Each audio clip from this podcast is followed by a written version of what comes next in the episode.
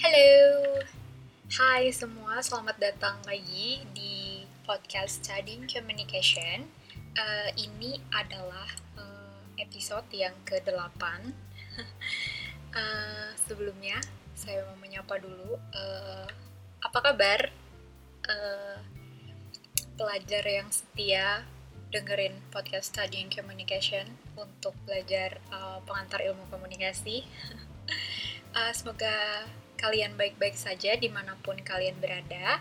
Hmm, kita akan belajar tentang salah satu teori intra pribadi lagi. uh, ini adalah teori kedua yang dipelajari dari konteks komunikasi intra pribadi. Uh, teorinya adalah teori interaksi simbolik uh, dan nanti akan ada hubungannya ke konstruksi realitas sosial. Nah, kita mulai. Jadi uh, kita akan bahas uh, mengenai teori interaksi simbolik, konstruksi realitas sosial, dan bagaimana implementasinya teori tersebut pada fotografi. Nah, interaksi simbolik itu merujuk pada penggunaan simbol-simbol dalam berkomunikasi. Kalau masih ingat materi yang tentang non-verbal communication, semua pesan yang di komunikasi nonverbal itu bisa dilihat dari simbol-simbol tuh.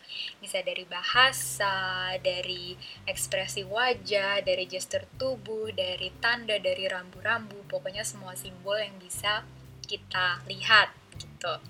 Nah, eh, simbol itu juga menjadi alat berinteraksi ya, terutama dalam uh, percakapan.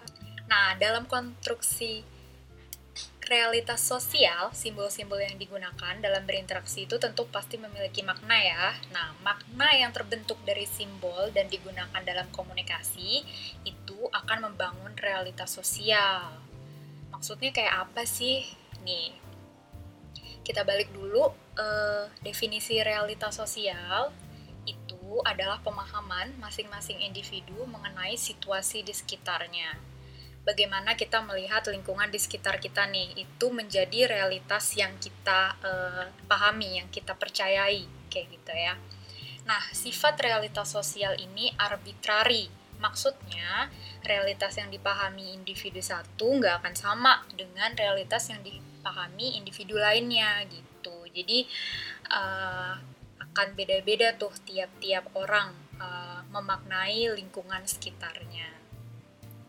Nah, interaksi simbolik dan konstruksi realitas sosial ini dalam fotografi kayak gimana sih jadinya posisinya baik posisinya fotografi dan fotografer dalam uh, dua konsep ini.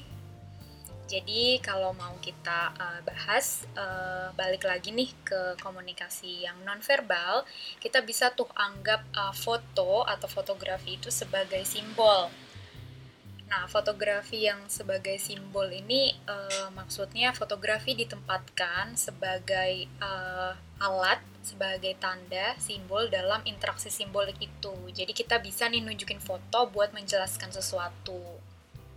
Seperti kalau misal kalian lihat materi tentang interaksi simbolik, saya kasih foto-foto tuh. Nah, itu uh, saya menggunakan fotografi buat jadi simbol contoh di materi, kayak gitu maksudnya. Nah, fotografi itu juga sebagai pembawa simbolnya.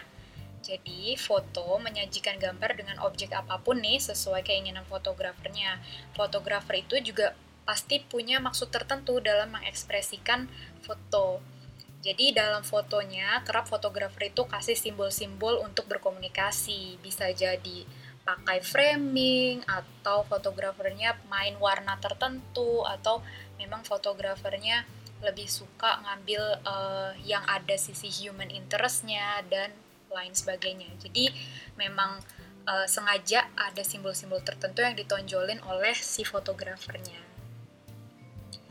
Fotografi itu juga merupakan cerminan realitas sosial.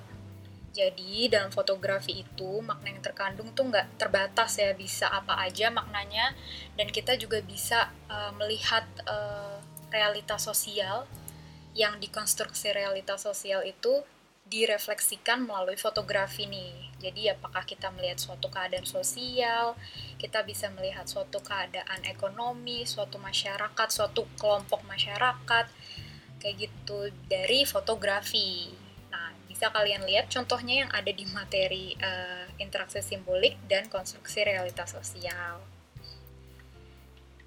Nah, Selanjutnya, fotografi itu juga bisa sebagai konstruk realitas sosial. Maksudnya, foto yang dihasilkan fotografer itu bisa berupa pemahaman dirinya mengenai realitas sosial tertentu nih. Ini umum banget ya. Jadi, fotografer itu kan pasti punya sudut pandang, sudut pandang tertentu tentang suatu hal. Jadi, sudut pandangnya itu e, bisa ditonjolkan dari karya fotografinya. Jadi orang yang melihat karya foto seorang fotografer itu bisa memahami nih, oh ini adalah sudut pandang sang fotografer dalam memotret uh, misalnya uh, keadaan kesejahteraan di uh, Indonesia, misalnya seperti itu. Jadi terlihat uh, sudut pandang si fotografer dari karya-karya fotonya.